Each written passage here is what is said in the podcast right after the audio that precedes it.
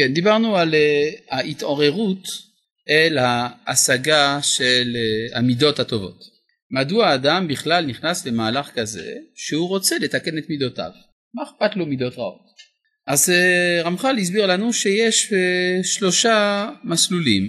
יש המסלול של שלמי הדעת, של הבינוניים ושל הפחותים מהם.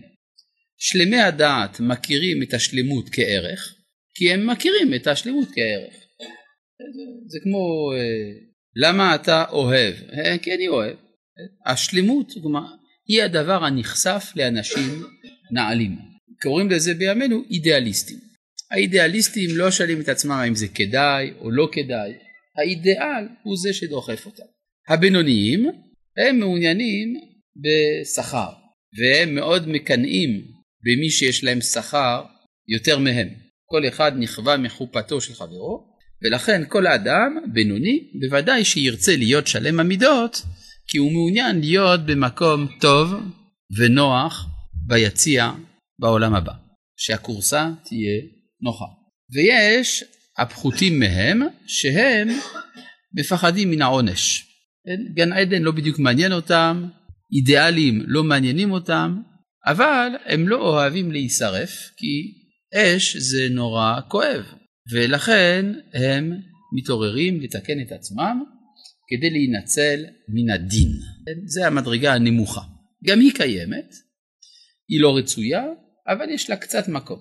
גם הרב קוק אומר באגרות ראייה שאסור לחכמים גדולים בעלי כישרון של סתרי תורה להרבות ביראת העונש.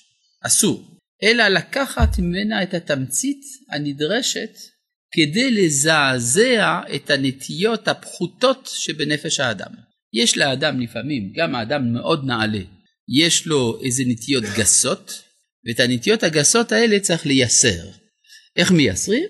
קצת יראת העונש, זה גם טוב, לפעמים מעט, כמו המלח בתוך התבלין, בתוך המאכל, אבל לא להגזים. אה, אז אה, כאן אה, רמח"ל עוסק בסוף פרק ד' ביראת העונש. כן, וזה דבר פשוט ומבורר. כאן אני קורא בפסקה המתחילה, לצערי אין לנו מהדורה אחידה, כל אחד קורא במהדורה אחרת, אז אני לא יכול לציין עמוד. אבל זה לקראת סוף פרק ד'. אפילו החלוקה לפסקאות משתנה ממהדורה למהדורה. אבל זה מה יש, מה אפשר לעשות? וזה דבר פשוט ומבורר, אומר רמח"ל. כי הנה אל אמת השם, והוא מה שאמר משה רבנו עליו השלום, עצור תמים פעולו, ככל דרכיו משפט אל אמונה בין עוול צדיק וישר הוא. כי כיוון שהקדוש ברוך הוא רוצה במשפט, הנה כך הוא עבור על המשפט, העלם את העין מן הזכות כמו מן החובה. כלומר אם הקדוש ברוך הוא עושה משפט, אז כמו שאנחנו מצפים ממנו שהוא לא יעלים עינו מן הזכות, בוודאי שאנחנו גם מבינים שהוא לא יעלים עינו מן החובה. זה נקרא משפט. אז אדם לא יכול לומר על זה הקדוש ברוך הוא יוותר לי וכדומה. על כן אם משפט הוא רוצה צריך שייתן לכל איש כדרכיו וכפרי מעלליו בתכלית הדקדוק בין לטוב בין למוטב. והיינו אל אמונה ואין עוול צדיק וישר הוא שפרשו זיכרונם לברכה לצדיקים ולרשעים כי כך היא המידה ועל הכל הוא דן ועל כל חטא הוא מעניש ואין להימלט. מפחיד. טוב, אז ממילא מתעוררת השאלה, מהי מידת הרחמים? הקדוש ברוך הוא רחום וחנון, נכון? ערך אפיים, רב חסד. אז איפה כל זה? אמרת שהקדוש ברוך הוא בעצם הוא כמו בעל מכולת שיש לו רשימות מדויקות, מגיע הזמן של הפירעון, הוא פורע. אז איפה מידת הרחמים? את השאלה? טוב. ואם תאמר, אם כן, מידת הרחמים, למה היא עומדת? כיוון שעל כל פנים צריך לדקדק בדין על כל דבר. אה, יש בעולם שיטות רוחניות, אפשר לקרוא להן כך, שונות בנושא הזה. למשל, הנצרות סוברת שהקדוש ברוך הוא נוהג אך ורק במידת החסד, זאת מידתו. זאת אומרת שמי שדבק באלוהים כפי שהם תופסים אותו, הוא זוכה לחנינה, לאהבה, לחסד, ללא גבול. הכל רחמים. כן. בשביל מי הגיהינום לדעת הנוצרים? אתה שואל, אתה שואל למי הגיהינום עבור הנוצרים. ככה אתה שואל. כן, אני מבין. אני אנסה עוד פעם להבין את השאלה, כי אתה מנסח אותה פעם שלישית, אז אני רוצה להיות בטוח שאני מבין אותך נכון. אתה שואל, לפי דעת הנוצרים, אז למי מיועד הגיהינום? ממי הוא, כן? מי עשה את הגיהינום? אתה שואל. אה, יפה. זאת השאלה. התשובה היא שזה השטן שעושה את הגיהינום. מה? זה כמעט כמו רשות שנייה. זה לא בדיוק כך, כי התיאולוגיה הנוצרית באופן רשמי היא מונותאיסטית. אבל מבחינה חווייתית קשה להם עם זה. כלומר, יש פה מקום שבו נידונים. למה? יש להם קושי עם זה. יש איזה דואליזם בסיסי במחשבה הנוצרית. עכשיו, זה נכון שיגידו לך בסופו של דבר זה הקדוש ברוך הוא, אבל זה מפריע להם. כי אלוהים הוא כולו חסד. עשיית הצדק זה לא מתאים לאלוהים. לעומת זה, האסלאם הלך בכיוון הפוך, שהאלוה הוא מי שנוהג במידת הדין, לגמרי, מדקדק בזה. ואילו ביהדות, השם אחד. אם השם אחד, אז הוא כולל הכל. הוא כולל הכל, את החסד, הדין, הרחמים, ואז דווקא באיחוד של המידות אנחנו פוגשים את הבורא, ואז נשאלת השאלה, מידת הרחמים, למה היא עומדת, כיוון שהקדוש ברוך הוא מדקדק בדין עד הפרט האחרון. עד כאן שאלת רמח"ל. האם הדין זה לא החסד היותר גדול? אם אתה מצליח לעמוד בזה, ואם אתה לא עומד בזה, הבעיה שלי, אז, מה, אז איפה החסד? בסדר? כלומר, זה יהיה למעט מאוד אנשים. יש במדרש רבה, שכאשר הקדוש ברוך הוא הודיע לאברהם שהוא הולך להשמיד את סדום, ואברהם מתנגד, אז הוא אמר, פשוט המילים שהמדרש מכניס לפה של אברהם זה כך, אם דין אתה רוצה, אין עולם, ואם עולם אתה רוצה, אין דין. כלומר, מה רצה אברהם? אברהם התנגד התנגדות מהותית למידת הדין בכלל. כי אם יש דין, העולם לא יכול לעמוד. והלא מפורסם גם אותו מקור במדרש רבה, שאומר שהקדוש ברוך הוא רצה לברוא את העולם בדין. הרע של העולם מתקיים. אתה צודק שזה החסד היותר עליון, אבל איך מגיעים לזה? את, כן, כן, נכון, מחותו, חסד הוא. כן, בעולם של דין חסד זה יציאה מהסדר. אבל אם אדם מצליח לעמוד בדין, אז זה חסד שעשה עמו הקדוש ברוך הוא שהיה מסוגל להעמיד אותו בדין. הוא, הסדר הוא שאין עולם. הקדוש ברוך הוא עשה בחסדו הגדול עולם של דין, חרג מן הסדר. אז זה באמת חסד גדול למי שמסוגל לעמוד בזה. הבעיה היא שלא עומדים בזה. ולכן שואל כאן רמח"ל שאלה יפה. ואם תאמר אם כן מידת הרחמים למה היא עומדת? כיוון שעל כל פנים צריך לדקדק בדין על כל דבר. התשובה ודאי מידת הרחמים היא קיומו של עולם שלא היה עומד זולתו כלל כמו שכתוב בבראשית רבה סוף פרק י"ב. ואף על פי כן אין מידת הדין לוקה. וזה כי לפי שורת הדין ממש היה ראוי, כן, כאן הוא יביא מספר דברים שמבדילים בין דין מוחלט לבין דין שיש בו רחמים. לפי שורת הדין ממש היה ראוי שהחוטא ייענש מיד, תכף לחטאו, בלי המתנה כלל. שתיים, וגם שהעונש עצמו יהיה בחרון אף, כראוי למי שממרה פי הבורא יתברך שמו, למשל, יוצא לפי זה שאדם למשל שיקר, כן? את, אה, אה, אז העונש המקובל זה שהאף שלו מתארך, נכון? כדי ה... אצל פינוקיו. אבל היה ראוי, באמת באמת, אדם שיקר, או למשל אומרים לו תגיד, איפה המכולת? הוא אומר קח ימינה. זה לא ימינה, זה שמאלה. היה צריך שמיד הוא ימות ויישחק לאבקה. נכון? היה צריך להיות העונש תכף ומיד ובאחרונה. וגם שלא יהיה תיקון לחטא כלל. כי הנה באמת, איך יתקן האדם את אשר עיוות והחטא כבר נעשה? הרי שרצח האדם את חברו, הרי שנאף, איך יוכל לתקן הדבר הזה? היוכל להסיר המעשה העשוי מן המציאות? אם כן, יש לנו פה שלושה דברים שקשורים לת הדין. א', שצריך להיות העונש באופן מיידי, בחרון אף וללא תיקון.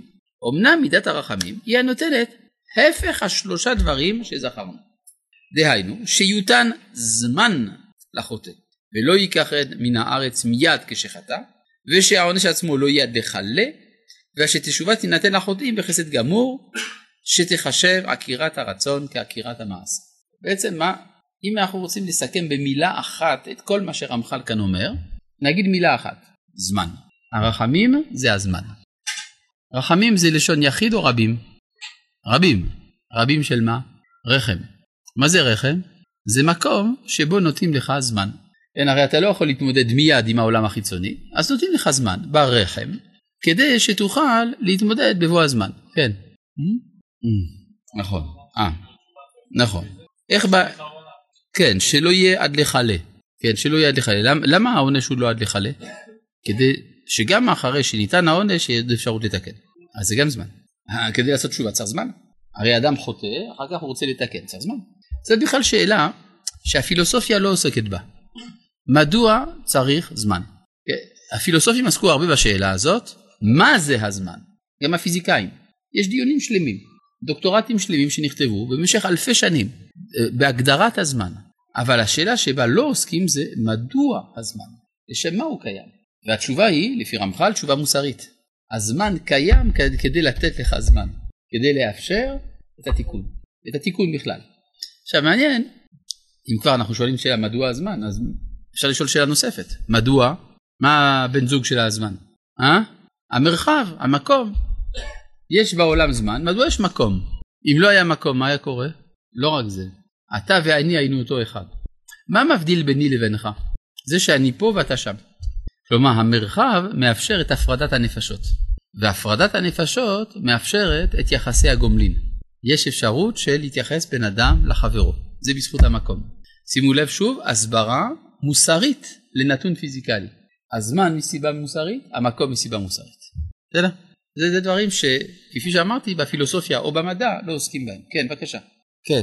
העונש הוא חצי תיקון, אבל צריך עוד לתקן. בסדר? אז זה מה, ש, אה, מה שאומר כאן, שמידת הרחמים היא עומדת כדי לתת זמן. וזה הסוד. כן? הרי זה מה שכתוב, בתחילה עלה במחשבתו של הקדוש ברוך הוא לברוא את העולם. המחשבה לברוא את העולם, איזה מידה זאת? חסד. כן? זה חסד לברוא את העולם. בתחילה עלה בחסדו של הקדוש ברוך הוא, במחשבת חסדו של הקדוש ברוך הוא לברוא את העולם. וכיוון שהוא רצה שהחסד הזה יהיה חסד מושלם, הוא רצה לברוא את העולם במידת הדין. כי אין דבר יותר גדול מאשר לעמוד בדין, שאני זוכה בקיום שלי. ראה שאין העולם מתקיים. מה פירוש ראה שאין העולם מתקיים? שאי אפשר לדין, אפשר לעמוד בדין ללא זמן. לכן שיתף את מידת הרחמים כדי לתת זמן, ונתקיים העולם. ואיך הוא מתקיים? בדין. נעשה החסד הגדול. יוצא לפי זה שהסדר של המידות זה חסד, דין, רחמים. כמו שנאמר, ובדעת חדרים ימלאו. חדרים, חסד, דין, רחמים. מה יכול להיות? אז המסקנה היא הרחמים. המסקנה היא לא הדין. כי אם היה נעשה חסד, רחמים ואחרי זה דין, זה היה נורא. לא רמזתי לכלום. כן, מה אתה אומר? ועתיד להחיות אתכם בדין. כן, נכון. אגב, מה שאתה אומר זה לא ככה פשוט. יש מחלוקת בתלמוד בין רבי אליעזר לרבי יהושע. אה, מה הש... על המתים שהחיה יחזקאל. המתים שהחיה יחזקאל, אה, כך כתוב, עמדו על רגליהם, אמרו שירה ומתו. כל הסיפור היה קצר, כן? ויחזקאל מחיה מתים, קיימים שרים, מתים. זהו. השאלה היא מה הם שרו? איזה שירה אמרו? אז רבי אליעזר אומר שהם אמרו השם ממית בצדק ומחיה ברחמים. לא כמו, לא כמו התפילה שאנחנו אומרים בבית העלמין. אלא זה שאדם מת זה צודק, לא מגיע לו לחיות, מגיע לו למות. השם ממית בצדק, מחיה ברחמים, מה אפשר לעשות? הוא עובר על הדין מפני הרחמים. רבי יהושע אומר שהם אמרו משהו אחר, הם אמרו השם ממית ומחיה, מוריד שאול ויעל, זה מתפילת חנה. מה, מה ההבדל? שכאילו רבי יהושע אומר, תחיית המתים זה מובן מאליו. אם הוא ממית אז הוא חייב להחיות. אם הוא מוריד שאול, ברור שחייבים לעלות. זו תפיסה אחרת לגמרי. שהחיים הם העיקר בעולם. מה העיקר? מה האמת? שזה מחלוקת רבי אליעזר ורבי יהושע. אה, אז בואו, כן, רוצה להגיד? כן. כן, כן, כן, אני מבין. לא יודע, נמצא תשובה. כל דבר אני צריך לעשות. אה, אז אם כן, יש פה שלושה דברים. א', שניתן זמן, ב' שהעונש לא עד לכלה, ג' שהתשובה מועילה. כן? פה הוא אומר דברים אה, קצרים אבל עמוקים ביותר. ושהתשובה, אני רוצה לחזור לחלק השלישי, ושהתשובה תינתן לחוטאים בחסד גמור, שתחשב עקירת הרצון כעקירת המעשה. דהיינו, שבהיות השב מכיר את חטאו ומודה בו, הוא מתבונן על רעתו ושב ומתחרט עליו חרטה גמורה דמעיקרה כחרטת הנדר ממש, שהוא מתנחם לגמרי והיה חפץ ומשתוקק שמעולם לא נעשה הדבר ההוא, הוא מצטער בליבו צער חזק על שכבר נעשה דבר ועוזב אותו לאבא ובורח ממנו, הנה עקירת הדבר מרצונו, יחשב לו כעקירת הנדר ומתכפר לו. והוא מה שאמר הכתוב, ושר עווניך, וחטאתך תכופר, שהעוון שר ממש מהמציאות, ונעקר במה שעכשיו מצטער ומתנחם על מה שהיה למפרע. טוב, המשפטים האלה צריכים בירור. למה שבאמת זה יועיל? זו אחת השאלות הקשות. האם באמת אפשר לתקן חטאים? רוצה להגיד משהו? כן, מה? מדברים על מה שאומר החרטה וההצטערות על החטא. כן. שרק אז בעצם עקירת הרצון זה עקירת ה... נכון. אז אה, אם אדם שכבר התחרט וכולי וכולי, אחרי תקופה נזכר בחטא שעשה, ולא מצטער עליו כמו שהוא מצטער עליו בתשובה גדולה, אז זה נחשב או לא נחשב שהוא עשה על זה תשובה? אתה אומר ככה. צריך אותם להצטער על החטא ונזכר מה שהוא עשה? אתה שואל כך, אני חוזר על שאלתך. אני מנסה לבדוק אם אני מבין את שאלתך נכון. אתה אומר, חלק מהתשובה זה שאדם מצטער שהוא עשה את המעשה, נכון? עד כדי כך, אומר רמח"ל, שהוא מצט... היה אומר, חבל שבכלל נעשה, זאת אומרת לא רק שמצטער, הוא... זה כאילו חרטת הנדר. כלומר, מה, מה, מה עושים בחרטת הנדר? שמבררים שבעצם האדם לא היה רוצה בכלל שיהיה הנדר הזה מלכתחילה. לעומת הפרת נדרים, שבהפרת נדרים אנחנו לא דורשים מן האדם להצטער, אנחנו אומרים מכאן ואילך מותר לך. כן? לעומת התרת נדרים, שזה כמו קשר שפותחים אותו, מתירים אותו, אז כאילו מעולם לא היה קשר כאן. אז אתה שואל, ומה קורה עם אותו אדם שעשה את התהליך הזה, עשה תשובה, אבל אחר כך הוא נזכר בחטא, נגיד שנה אחרי שהוא עשה תשובה, והוא כבר לא מצטער כל כך שהוא עשה את החטא. האם נחשבת לו תשובתו או לא? עד כאן שאלתך? או שזה לא הבנתי אותך נכון? לא, כן, זה לא שהוא מצטער, כאילו הוא כבר הצטער, אבל הוא פשוט לא מצטער כמו שהוא הצטער אז. הוא לא מצטער, אבל לא כמו שהצטער אז. טוב, זה שאלה אחרת. אני אענה על השאלה. התשובה היא שזה בסדר גמור. זה לא בסדר שהוא לא מצטער, אבל התשובה שלו הייתה תשובה. מתי תשובה לא נחשבת? אם אדם מצטער שעשה תשובה. הוא אומר חבל שעשיתי תשובה, זה משהו אחר. אבל כל זמן שהוא לא מצטער שהוא עשה תשובה, רק כאשר הוא לא מצטער ללכת כמו שהיה, זה משהו אחר. כן. זה גם, כאילו, נחשבת לעקירת הרצון כעקירת המעשה, זאת אומרת... נכון, זה מה שנקרא תוהה על הראשונות. שאדם נגיד שמצטער על מעשים טובים שעשה, אז הוא לא מקבל שכר על המעשים הטובים האלה. כולל המעשה הטוב של התשובה. הוא מצטער שהוא עשה תשובה. כן.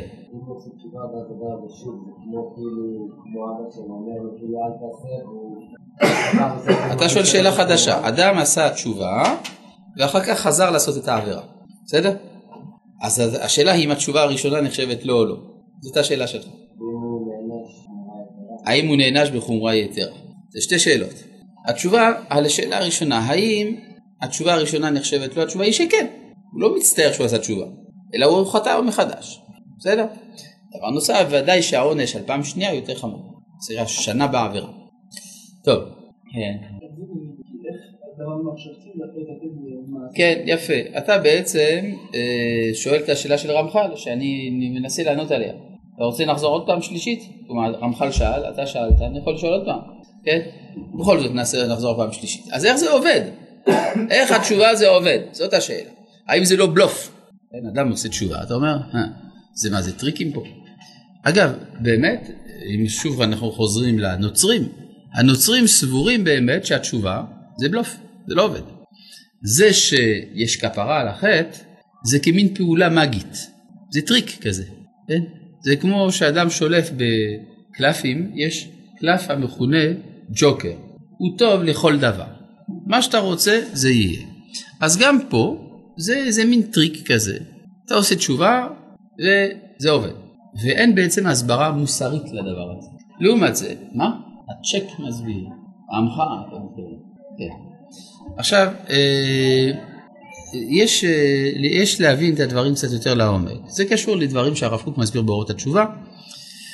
הדבר הזה, האם מעשה רע הוא באמת רע? בואו ניקח לדוגמה. אה, יש מעשה רע שמסופר בתורה, קין הרג את הבל. זה רע או זה טוב? זה רע, נכון? מי אמר את זה? אתה, כן? כי אתה אדם מאוד מוסרי. אתה מבין שלרצוח את אחיו זה ממש רע. שאלה, אם הקדוש ברוך הוא היה רוצה שהבל לא ייהרג, היה בידו למנוע את זה? ודאי. אפילו בשעה שקין חונק את הבל, בהנחה- שהוא הרג אותו בחניקה, היה יכול הקדוש ברוך הוא לשתק את האצבעות של קין, ואז הבל לא היה נהרג. והקדוש ברוך הוא לא שיתק את האצבעות של קין, והוא נתן להבל להיהרג. סימן שהקדוש ברוך הוא רוצה את זה. מה אתה אומר? שאסור לו, כי זה שבת. אסור לו כי זה שבת, מפני פיקוח נפש. של העולם, לא של הפרט. בסדר, אבל זה כבר, אז, זה סימן שהוא מעוניין. הוא אסר על עצמו, אז הוא, אז הוא מעוניין שהבל ייהרג, נכון? נוהג. מה? שעולם כמנהגו נוהג. זה בדיוק אותו הדבר. עולם כמנהגו יורק, זאת אומרת שהקדוש ברוך הוא מסכים. ועל זה באה טענה יפה מאוד של קין. הוא אומר, מה אתה רוצה? השומר אחי אנוכי? מה מונח מאחורי השאלה הזאת? מי כן צריך לשמור? אתה היית צריך לשמור, כן? השומר אחי, אנוכי. מי זה אנוכי? אנוכי השם אלוהיך. שהוא יטפל בזה. מה, באים אליי בטענות? אני עשיתי את רצון השם. הרי אם הקדוש ברוך הוא לא היה רוצה, הבל לא היה נהרג. טענה יפה או לא? כן? לכאורה אתה. כן. אז אנחנו צריכים למצוא תשובה. מה? כמו ילד שאומר לא אמרו לי לא, אז הם כאילו הסכימו. לא, אין כאן... אבל פה זה לא רק שלא אמרו לו לא, נתנו לו את הכוח. בשעה שהוא הרג את הבל, הקדוש ברוך הוא המשיך להחיות את קין, ונתנו לו את כל הכוחות המאפשרים לו להרוג את הבל. אז מי שמבין את ה- כשהרמב"ם מדבר על אה, לא לא. אני שואל למה הקדוש ברוך הוא לא מתערב בעולמו? אם הקדוש ברוך הוא לא מעוניין שהבל ייהרג, אז שיתערב בעולמו, ואז הבל הבל לא ייהרג. הקדוש ברוך הוא רוצה שקין יהרוג את עבד יותר, לא, כשהוא, רוצה יותר שקין יוכל להרוג את עבד, אני חושב שהוא לא יוכל להרוג את עבד. את את. כן, אבל אני שואל, בשעה שזה קורה, בכל זאת, הרי יש לקין פה טענה יפה מאוד. התשובה היא, שכשקין הרג את הבל, הוא לא התכוון לעשות רצון השם. הוא הרג את הבל כי הוא קינא בו, כי הוא עצבן אותו. מובן? אם קין היה מכוון כולו לשם שמיים, יכול להיות שהוא מקבל שכר על זה. אני אומר דברים מסוכנים, אבל זה אמת. זה הפוך מהכוזרים. למה זה הפוך מהכוזרי?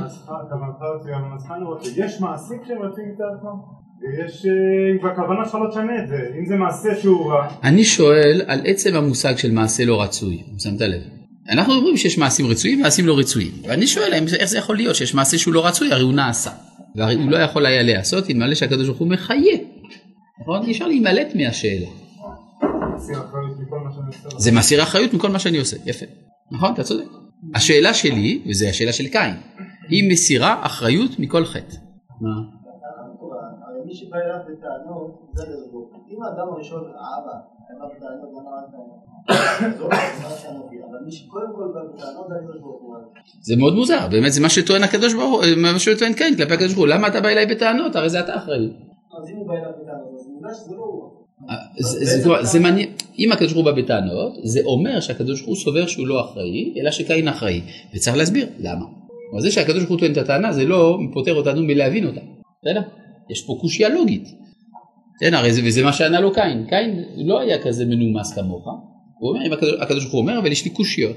מה הקושיה? השומר, אחי אנוכי. עד כאן השאלה ברורה? טוב, אתם רוצים תשובה? התשובה היא, התחלתי להגיד אותה, כן, שקין, כשהוא הרג את הבל, לא התכוון לשם שמיים. וגם אם קין היה מתכוון לשם שמיים, ברור שהוא היה מערב בזה מולקולה אחת של אינטרס אישי. ומאחר והוא מערב את המולקולה של האינטרס האישי, אז הוא נידון לפי הפרמטרים האנושיים.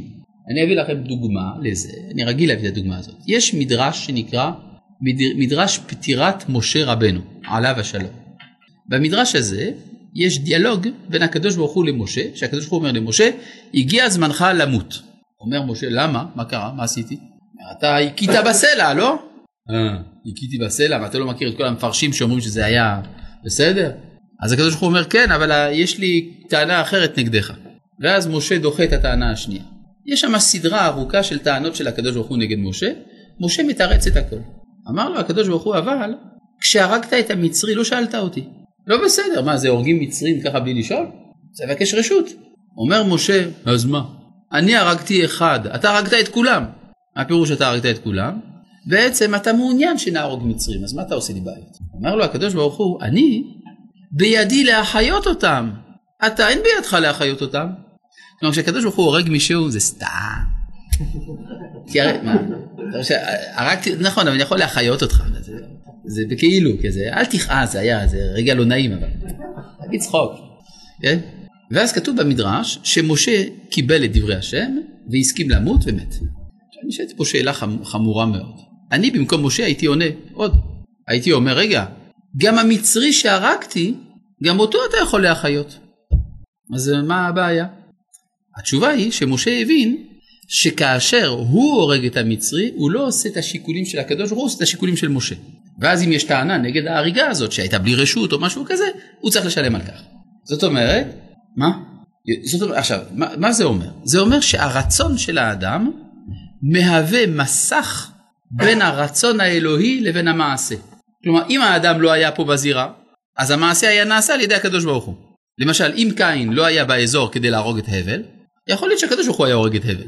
כי זה היה מתאים לתוכניות שלו וכולי וכולי, ואז זה בעצם היה מעשה טוב.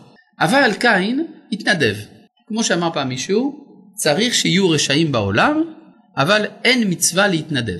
אז בא קין, התנדב להיות, להיות המוציא לפועל, ואז הכוונות הרעות שלו מעורבות, מגלגלין זכות על ידי זכאי וחובה על ידי חייו.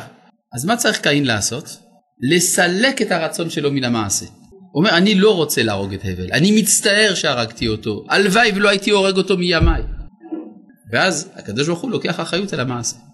זה נקרא עקירת הרצון, כעקירת המעשה מן האדם, לא מן המציאות. כי המעשה נשאר במציאות, אבל הקדוש ברוך הוא לוקח עליו טרמפ. מובן? וזה מפורש בפרשת משפטים. וכי יזיד איש על רעהו להורגו בעורמה. מעם מזבחי תיקחנו למות. מה, מישהו הלך להרוג את חברו במזיד? חייב מיתה, הורגים אותו, בלי חשבון, אפילו באמצע קורבן. לוקחים אותו מהמזבח.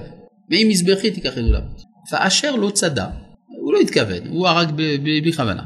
והאלוהים עינה לידו, ושמתי לך מקום אשר ינוס שם.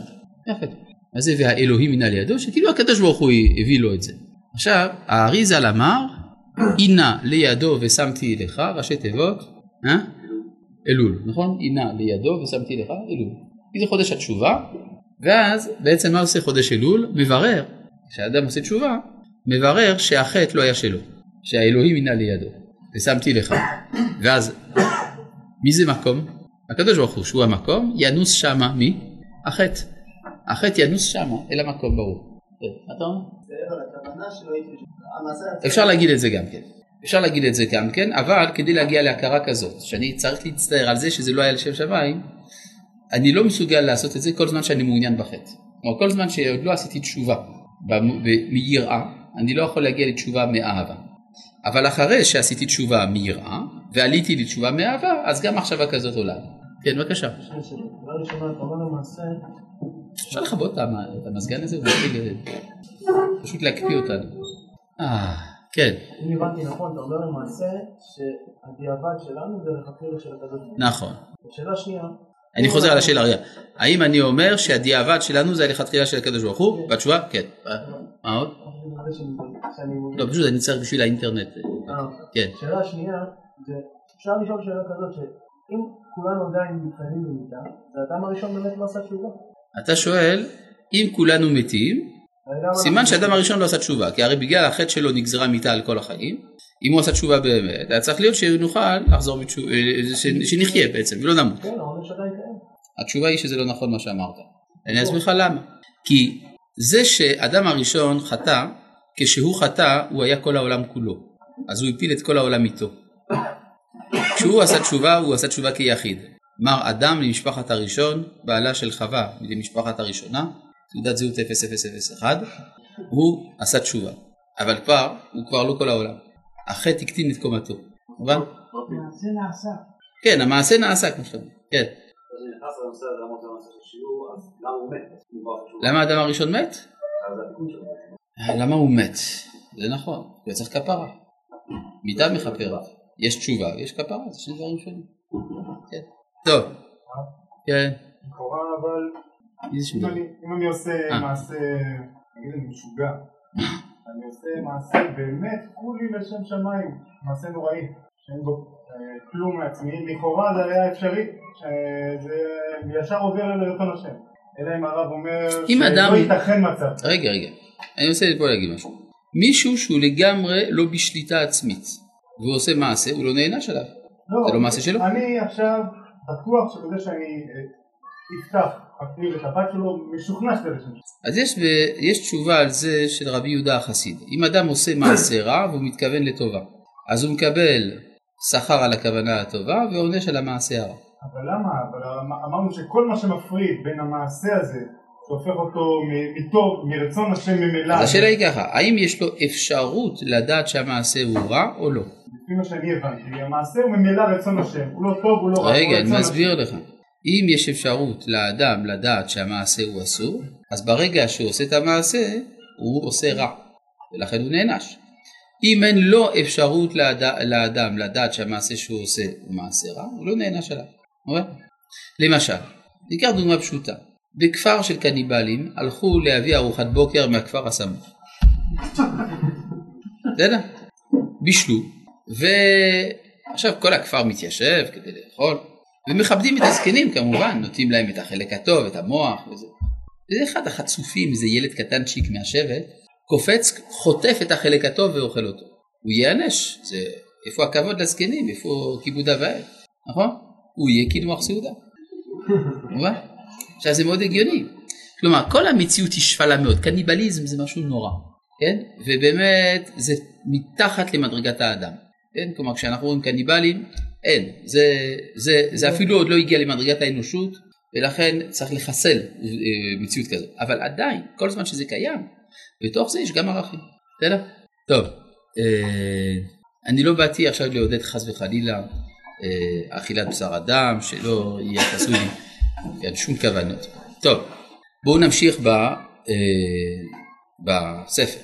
וזה חסד ודאי, שאינה, אגב מי שרוצה הרחבה של הדברים שהסברנו עכשיו, אפשר לקרוא באורות התשובה, פרק ט"ז, פסקה א' 1, שם יש כוכבית לביצוע השיחה, ולכן אפשר לקרוא, אה, שם הרב מסביר את הדברים בהרחבה. גם אני קצת הרחבתי יותר על דברי הרב קוק, זה שם בחוברת בהימצאו. על אה, ענייני תשובה וחודש אלול. וזה חסד ודאי, שאינה משורת הדין. אך על כל פנים, הנה הוא חסד שאינו מכחיש הדין לגמרי, שהרי יש צד להתעלות בו, שתחת הרצון שנתרצה בחטא וההנאה שנהנה ממנו, בעתה הנחמה והצער. מה זה נחמה? חרטה. כן, נחמה בתנ"ך זה חרטה. וכן, אריכות הזמן איננו ויתרון על החטא, אלא סבלנות, קצת, לפתוח לו פתח תיקון. וכן כל שאר דרכי חסד כעניין ברע מזכה אבא, או מקצת נפש ככל הנפש המוזכרים בדברי החכמים, דרכי חסד הם לקבל את המועט כמרובה, אך לא מתנגדים ומכחישים ממש מידת הדין, כי כבר יש בהם טעם הגון להחשיב אותם. זאת אומרת זה חשוב שיהיה, בסופו של דבר שהדין יהיה משועבד לחסד. כן, מה אתה אומר? איזה מין דבר להגיד לקדוש ברוך הוא שהוא מתחרט? איך זה להגיד על הקדוש ברוך הוא שהוא מתחרט? איפה ראית שהקדוש ברוך הוא מתחרט פה? במבול. אה, אבל פה לא ראית. לא, אבל לומדים את זה מדור. רגע, רגע, לא. מה לומדים מה? של ברוך הוא. אני לא יודע. אה, פה לא כתוב הדבר הזה. כלומר, אתה שואל פה על משהו אחר שיש בתורה. אתה שואל משהו אחר. זה לא הנושא של השיעור, לכן אני לא אתייחס, מה זה משנה. טוב, אה, אך שיוותרו עבירות בלא כלום, או שלא יושגח עליהם, זה היה נגד הדין לגמרי, כי כבר לא היה משפט ודין אמיתי בדברים. על כן זה אי אפשר להימצא כלל. אז מה שנקרא חשבונות של מידת הדין לפעמים נדחים. כן, למשל הקדוש ברוך הוא גואל את ישראל בין זכאים בין לא זכאים. ומה עם החשבונות של מידת הדין? אחר כך. ואם אחד מן הדרכים שזכרנו לא יימצא לחוטא להימלט, ודאי שמידת הדין לא תשוב ריקם. וכן אמרו, זיכרונם לברכה, מעריך הפה וגבה דילה. כלומר הקדוש ברוך הוא מעריך את אפו, אבל בסוף גובה. נמצא שאין לאדם הרוצה לפקוח עיניו פיתוי שיוכל להתפתות בו לבלתי ייזהר במעשיו תכלית הזהירות ודקדק בם תכלית הדקדוק. הן כל אלה השקפות שישקיף עליהם האדם ויקנה בם מידת הזהירות ודאי אם בעל נפש הוא. ברור? מה? מה לא, מה לא ברור. לא, זה, זה סיכום של מה שהוא אמר לפני כן. הרי לפני כן הוא אמר, דע לך שאי אפשר להימלט ממידת הדין. ואז הוא הביא מספר מקורות שברור שלא ייתכן שהקדוש ברוך הוא לא יעשה דין בחוטאים, אלא מה שיש לו ריכוכים בדרך. אבל אם כל הריכוך בסוף האדם לא עושה תשובה וכולי וכולי, אז ודאי לא יימלט מן הדין. זה מה שהוא אומר. דברים פשוטים, נכון? הבא. אה, בזאת סיימנו את פרק רביעי, שזה ההתעוררות אל הזהירות או בדרך קניית הזהירות. פרק חמישי עוסק בדבר פשוט, בביאור מפסידי הזהירות והרחקה מהם, דווקא פרק מאוד אקטואלי בחברה המודרנית.